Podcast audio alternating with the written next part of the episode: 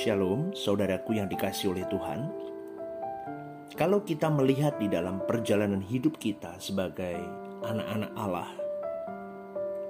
sebagai umat pilihan yang dikasih oleh Bapa, kalau kita melihat dengan detail, saudaraku, ada momentum-momentum yang memang Tuhan izinkan untuk kita alami di dalam hidup kita ini. Tuhan izinkan untuk kita jalani dan melalui momentum-momentum yang Tuhan izinkan tersebut, Tuhan mau mengarahkan kita kepada Dia, atau mengarahkan kita kepada rencana Allah yang mulia di dalam hidup kita, dan kita harus bisa menangkap momentum itu. Kalau kita lihat, saudaraku, Yusuf itu mengalami banyak sekali penderitaan hidup. Dia dibuang di dalam sumur, dia terus difitnah oleh istri Potifar, dia banyak banyak sekali. Dia menjadi budak di sana, dia masuk penjara. Seakan-akan begini, hidup Yusuf ini tidak menentu dan sangat suram untuk masa depannya. Tetapi saudaraku, kalau kita lihat runtutan seri kehidupan Yusuf, itu semua adalah momentum penting, yaitu momentum yang Tuhan izinkan di dalam hidup Yusuf untuk mengangkat dia, yang kemudian menjadi awal dari keselamatan seluruh keluarga Yakub dan perjumpaan Yakub dengan anak kesayangannya ini. Ini sungguh luar biasa. Kalau setelah kita melihat perjalanan hidup Yusuf, kita bisa menilai ternyata momentum yang Tuhan buat di dalam hidup Yusuf itu sangatlah indah. Allah memiliki banyak jalan dan jalan-jalannya sering tidak kita pahami. Tetapi Allah tidak pernah mendatangkan kecelakaan kepada kita. Sebab rancangan-rancangan Allah adalah rancangan damai sejahtera. Itu terdapat dalam Yeremia 29 ayat yang ke-11 sampai yang ke-13. Di dalam Yeremia 29 11 sampai 13 ini jelas Allah memiliki banyak jalan untuk dirimu dan diriku. Bahkan sering kali, saudaraku, jalan Tuhan tidak pernah bisa kita selami. Mungkin di sepanjang perjalanan hidup kita, kita menatap Tuhan, di manakah engkau? Aku jangan kau tinggal sendirian. Kita mengarungi hari demi hari dengan begitu luar biasa berat, saudaraku. Saya pernah mengalami dan saya sedang mengalami. Saya percaya saudara-saudara yang mendengar akan kebenaran firman ini, Anda pasti juga pernah mengalami atau mungkin Anda sedang mengalami di dalam lembah yang begitu dalam. Di sebuah padang gurun yang seakan-akan tidak bertepi. Bahkan kita pernah bertanya di dalam diri kita, Lord, Where are you? Di manakah engkau Tuhanku? Tetapi ingatlah saudaraku, Allah tidak pernah mendatangkan kecelakaan kepada kita. Sebab segala rancangan-rancangan Allah adalah rancangan yang damai sejahtera. Mungkin hari ini kita tidak bisa melihat itu. Mungkin hari ini kita tidak bisa memaknai itu dengan benar karena kita belum melihat ujung dari dari perjalanan yang Tuhan titipkan dalam hidup kita. Kalau kita ingat saudaraku, Daud mengalami puncak penderitaan bukan hanya pada waktu dia menghadapi Goliat, tetapi ketika nyawanya sedang dipertaruhkan ketika dia sedang dikejar oleh Saul. Diburu oleh Saul. Dia dilawan oleh bangsanya sendiri. Semua pasukan Saul memburu nyawa Daud. Dia ingin membunuh Daud karena sakit hati. Tetapi saudaraku, kalau kita lihat kembali kehidupan Daud, momentum Daud itu adalah sebagai latihan untuk dia naik menjadi seorang raja Israel. Kalau kita lihat lagi tokoh Alkitab yang bernama Daniel. Daniel dimasukkan di dalam dapur perapian yang dinyalakan tujuh kali lipat bagi Sadrah, Mesa, dan Abednego. Semuanya adalah momentum yang mengubah hidup mereka. Setiap kali saudaraku, setiap kita memiliki momentum itu. Kalau kita bisa membaca jejak Tuhan di dalam hidup kita. momentum yang Tuhan izinkan kita alami, yang mengarahkan kita kepada Tuhan, kepada kemakmuran Tuhan, bukan kepada kemakmuran duniawi, yang mengarahkan kita kepada penggenapan rencana-rencana Allah yang indah bagi kemuliaan namanya, bagi keindahan kehidupan kita sendiri. Coba kita renungkan saudaraku. Segala peristiwa-peristiwa hidup yang pernah kita alami. Yang sebenarnya kalau kita telaah lebih dalam lagi. Itu merupakan panggilan Tuhan untuk mengarahkan kita kepada rencananya yang agung. Kalau kita telah menyia-nyiakan momentum itu, hari ini kita bisa berbalik. Masih ada kesempatan selama kita masih memiliki kehidupan ini, selama jantung ini masih berdetak, nafas ini masih ada, masih ada kesempatan, masih ada kesempatan. Sehingga saudaraku yang dikasih oleh Tuhan, jangan sia-siakan momentum ilahi yang ada, yang hadir dalam hidupmu dan hidupku. Namun ironiknya, banyak orang menyia-nyiakan momentum berharga yang merupakan blessing kekal. Eternity blessing, berkat kekal yang Allah berikan. Sehingga hidupnya tidak mengalami perubahan secara signifikan. Tidak mengalami perubahan yang berarti di dalam hidupnya.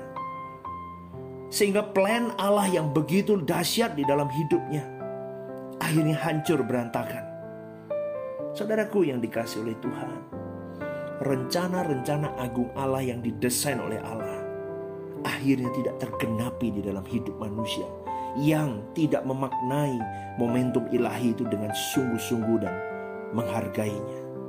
Sebab kalau saudaraku kita menyia-nyiakan momentum yang, yang berharga itu, maka kita tidak akan pernah memperoleh apa pun bahkan tidak jarang yang malah menjadi lebih malah sering kali kita menjadi lebih jauh kepada Tuhan. Menjauh dari Tuhan. Dan ingat saudaraku, momentum itu tidak akan pernah kembali lagi. Itu mahal, expensive, dan itu adalah the ultimate blessing. Saudaraku yang dikasih oleh Tuhan, Orang yang memiliki hubungan yang kuat dengan Tuhan, dia pasti memiliki kegentaran yang dahsyat. Dia pasti tidak bisa dia pasti tidak bisa hidup di dalam dosa. Karena kesucian Allah akan mengejar dia. Kesucian Allah akan menghantui dia. Kesucian Allah akan menghanguskan dirinya. Bahkan saudaraku yang dikasih oleh Tuhan. Kalau boleh jujur, tidak banyak orang yang benar-benar terhubung dengan Tuhan. Karena hal ini dianggap tidak terlalu penting. Bahkan dianggap mistik oleh teolog-teolog yang merasa itu terlalu mistis. Jadi saudaraku yang dikasih oleh Tuhan. Kalau kita lihat di dalam kehidupan kita bermasyarakat. Kita bisa amati dalam kehidupan kita bermasyarakat.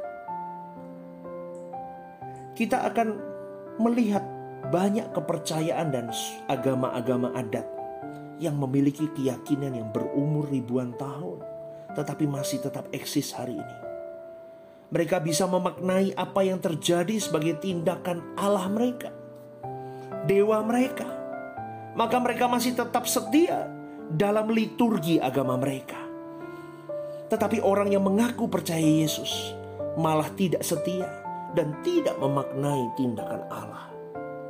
Ironis bukan? Itu yang terjadi di dalam kehidupan kita hari-hari ini. Tuhan Yesus berkata bahwa ia akan menyertai kita sampai kepada kesudahan zaman. Sampai Maranatha. Masalahnya, apakah kita percaya dan mengalami janjinya itu?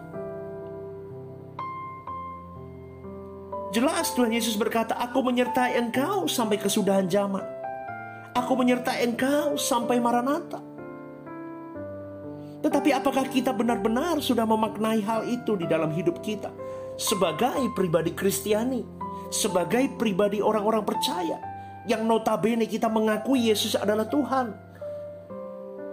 Dari cara kita memaknai seluruh peristiwa hidup ini, dan kita belajar mempercayakan diri menuruti kehendak Allah, saudaraku. Itu adalah pembuktian bahwa Allah yang kita sembah, Allah yang hidup, bahwa Allah yang kita sembah adalah Allah yang nyata, bahwa Allah yang kita sembah adalah Allah yang benar, saudaraku. Jangan lupa, saudaraku, jangan lupa. Agama-agama lain pun punya kesaksian-kesaksian seperti itu. Mereka bisa memelihara, agama mereka selama ribuan tahun. Bahkan mereka ada yang berani membela agama mereka dengan darah mereka, dengan nyawa mereka. Rela tidak melakukan apa pun kesenangan mereka, memberikan harta mereka, nyawa mereka. Bahkan mereka rela untuk tidak menikah dan melakukan hal apa pun yang menurut dunia itu sebuah kebodohan. Mereka bisa lakukan itu karena mereka bisa memaknai bahwa Allah yang mereka sembah adalah Allah yang benar, Allah yang hidup menurut mereka. Bagaimana dengan kita, saudaraku? Mereka bisa, agama-agama lain bisa memaknai Allah mereka dengan cara versi mereka. Sekarang bagaimana kita bisa mengalami Tuhan dan membuktikan Tuhan itu benar-benar hidup. Seorang Tuhan Yesus Elohim Yahweh yang benar-benar hidup di dalam hidup kita dibutuhkan perjumpaan dengan Allah, saudaraku. Perjumpaan dengan Allah harus terjadi di dalam hidup kita setiap hari. Setiap saat, melalui setiap kejadian dan peristiwa yang boleh Tuhan izinkan di dalam hidup kita. Dan saudaraku, benar-benar setiap kita harus memiliki kesaksian di dalam batin dan berkatakan dalam batin kita. Allahku hidup. Allahku Allah yang benar. Allahku Allah yang bangkit yang selalu bersama dengan aku sampai kita memiliki kegentaran akan Tuhan. Kalau kita masih belum memiliki kegentaran akan Tuhan, saudaraku, engkau dan saya tidak mungkin bisa hidup benar, tidak mungkin bisa hidup suci, tidak mungkin bisa menghargai Tuhan kita secara proporsional. Dan kalau kita sudah memiliki kegentaran kepada Allah, ketika kita jatuh sekalipun di dalam lembah dosa, kita akan segera kembali bertobat. Karena kenapa? Karena di mata kita, dunia bukan lagi daya tarik lagi. Dunia tidak bisa memikat kita lagi. Dunia tidak bisa menipu kita lagi. Bahkan segala hingar-bingarnya tidak bisa memenjarakan hidup kita lagi. Jika engkau dan saya sampai di level itu, engkau dan saya akan rela mengorbankan apa pun demi pekerjaan Tuhan. Garis bawah ini. Kalau engkau dan saya sampai di level ini, saudaraku, engkau dan saya rela mengorbankan garis bawahi apa pun. Garis bawahi kata apa pun demi pekerjaan Tuhan. Karena kita yakin bahwa surga itu indah. Karena kita yakin kita melihat dari jauh langit baru bumi baru itu dengan iman kita yang berkobar seperti Abraham yang melambai pada kota yang akan datang. Maka saudaraku, pribadi-pribadi yang sampai di level ini tidak pernah takut di hari kematiannya. Jadi mereka tidak akan pernah berhenti mencari Allah. Dia tidak akan pernah berhenti mencari Allah yang benar, Allah yang hidup. Dia akan terus menemukan dia hari demi hari. Dia berjumpa, dia ber, ber, bersama dengan Allah yang hidup hari demi hari. Dia bisa memiliki hubungan yang begitu intim dengan Allah hari demi hari di setiap momen hidupnya. Karena begini saudaraku. Kalau engkau dan saya berhenti mencari Allah. Maka tanpa kita sadari saudaraku. Ketika ada celah yang terbuka di dalam diri hidup hidup kita. Iblis mencuri hati kita. Dan dia akan merusak segala plan besar Allah di dalam hidupmu dan hidupku. Hati-hati dengan hal itu. Saya selalu katakan ini kepada banyak orang. Teman-teman seperjuangan saya di Rehobot Semarang, saya selalu mengingatkan. Jangan buka celah. Jangan buka celah. Celah sekecil apa pun, iblis akan manfaatkan itu. Dan dia akan menghancurkan semua plan besar Allah di dalam hidupmu untuk kemuliaannya. Seringkali kita senang mendapat pujian, kita mengharapkan kedudukan, kita memimpikan kenyamanan, kita lupa dunia bukan rumah kita. Sehingga banyak sekali kalau kita lihat di dalam kehidupan pelayanan, berapa banyak orang sakit hati karena karena jabatan yang sudah di, tidak dipangkunya lagi. Jabatannya hilang, dia marah, dia berubah sikap dan sebagainya. Saudaraku yang dikasih oleh Tuhan, buktikan, buktikan di dalam dirimu sendiri dan alami bahwa satu-satunya Allah yang benar adalah Elohim Yahweh yang bisa merubah dirimu. Yang bisa merubah mindsetmu. Yang bisa merubah karaktermu. Kita tengok hidup kita satu bulan yang lalu, dua bulan yang lalu. Dulu aku melayani dengan sungguh-sungguh. Kenapa hari ini aku seperti ini? Misalnya seperti itu. Dulu aku bekerja dengan baik. Aku memberikan semuanya terbaik untuk pekerjaanku, untuk untuk hadiah kepada Tuhanku. Tapi kenapa hari ini aku seperti ini? Mungkin kita bisa introspeksi diri kita. Mungkinkah kita buka celah dan iblis bermain di dalamnya? Karena dia tahu, saudaraku, kalau momentum Tuhan itu masuk di dalam hidupmu dan hidupku. Dia tahu satu nyawa kalau dia bisa seret keluar dari rencana Allah, dari momentum Tuhan. Dia akan bersorak-sorai. Tetapi satu nyawa saja, satu jiwa masuk dan menurut tunduk kepada momentum ilahi. Dia akan berjuang mati-matian untuk menyeret dirimu dan diriku keluar dari plan Tuhan yang besar. Jadi saudaraku, Yesus adalah Tuhan yang benar, yang pernah mati, bangkit dan hidup dia menyertai kita sampai Maranatha nanti. Jadi bukan sekedar sebuah teori yang dikemas di dalam khotbah, tetapi adalah sebuah kepastian, kebenaran sehingga ketika kita mengalami hari-hari hidup kita yang mungkin berat, saudaraku. Engkau dan saya mengalami hari-hari yang begitu tajam. Permasalahan tidak kunjung usai. Seringkali mulut ini sudah katakan, Lord, saya nggak bisa melanjutkan ini semua. It's too hard. Ini terlalu berat Tuhan. Ingatlah, dia berkata, Aku akan selalu menyertaimu sampai kesudahan zaman. Jadi ketika kita mengalami pada hidup saudaraku, jangan sampai momentum Tuhan lepas dalam hidupmu. Tetapi alamilah, jalanilah momentum Tuhan itu. Dengan tertatih meskipun kehidupanmu porak-poranda. Lu lihat dah, orang-orang yang mau sungguh-sungguh di dalam Tuhan. Pasti hidupnya diremukkan, saudaraku. Pasti hidupnya dilumat dia mau engkau hanya bergantung kepada dia saja.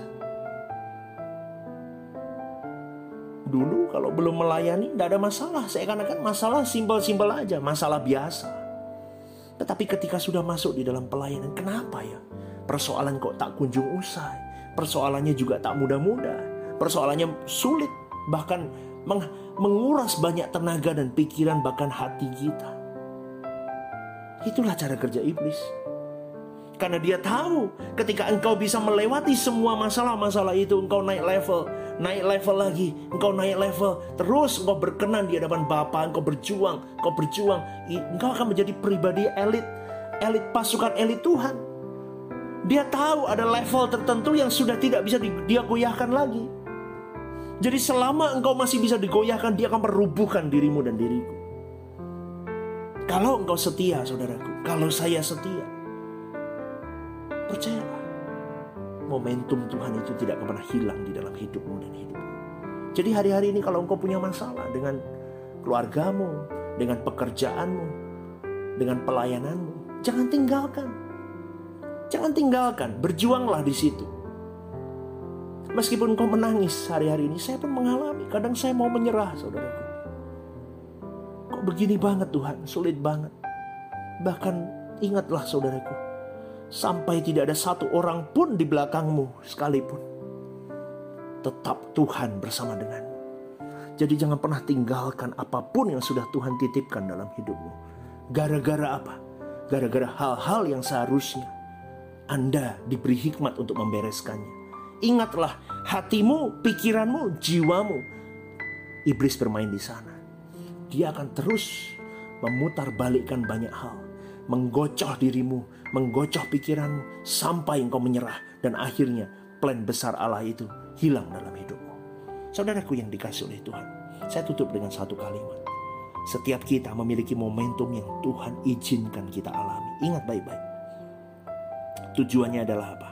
Untuk mengarahkan kita kepada Tuhan. Kalau kita bisa membaca jejak Tuhan di dalam hidup kita, kita akan mendapatkan the best reward di dalam hidup kita. Ayo berjuang saudaraku. Berjuanglah, memang tidak ada sesuatu yang mudah yang harus kita lalui di dalam kita mengiring Yesus. Bahkan jelas firman Tuhan berkata, lebih mudah unta masuk dalam lubang jarum ketimbang manusia orang kaya masuk ke dalam kerajaan surga. Engkau dan saya harus bisa menanggalkan keduniawian kita, bisa menanggalkan keegoan kita, berjaga-jaga di dalam hidup kita. Karena kita tahu Iblis seperti singa yang mengaum di sekeliling kita. Kita buka celah, kita sakit hati dengan pelayan Tuhan. Kita sakit hati dengan teman kantor kita. Kita sakit hati dengan gembala kita. Kita sakit hati dengan pengerja kita. Iblis masuk di situ dan bermain di situ. Di situlah momentum ilahi hilang berantakan dalam hidup kita. Semoga renungan pada hari ini memberkati kita semua membuka mata pikiran kita. Dan kita berjuang bersama-sama memberi yang terbaik untuk Tuhan kita. Mari kita masuk dalam doa. Kami bersyukur Bapakku.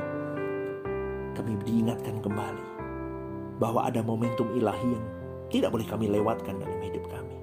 Kami mau berjuang sungguh-sungguh. Yang terbaik yang bisa kami berikan. Kami akan berjuang Bapakku. Yang utama adalah kami mau melihat Tuhanku tersenyum dengan hidupku.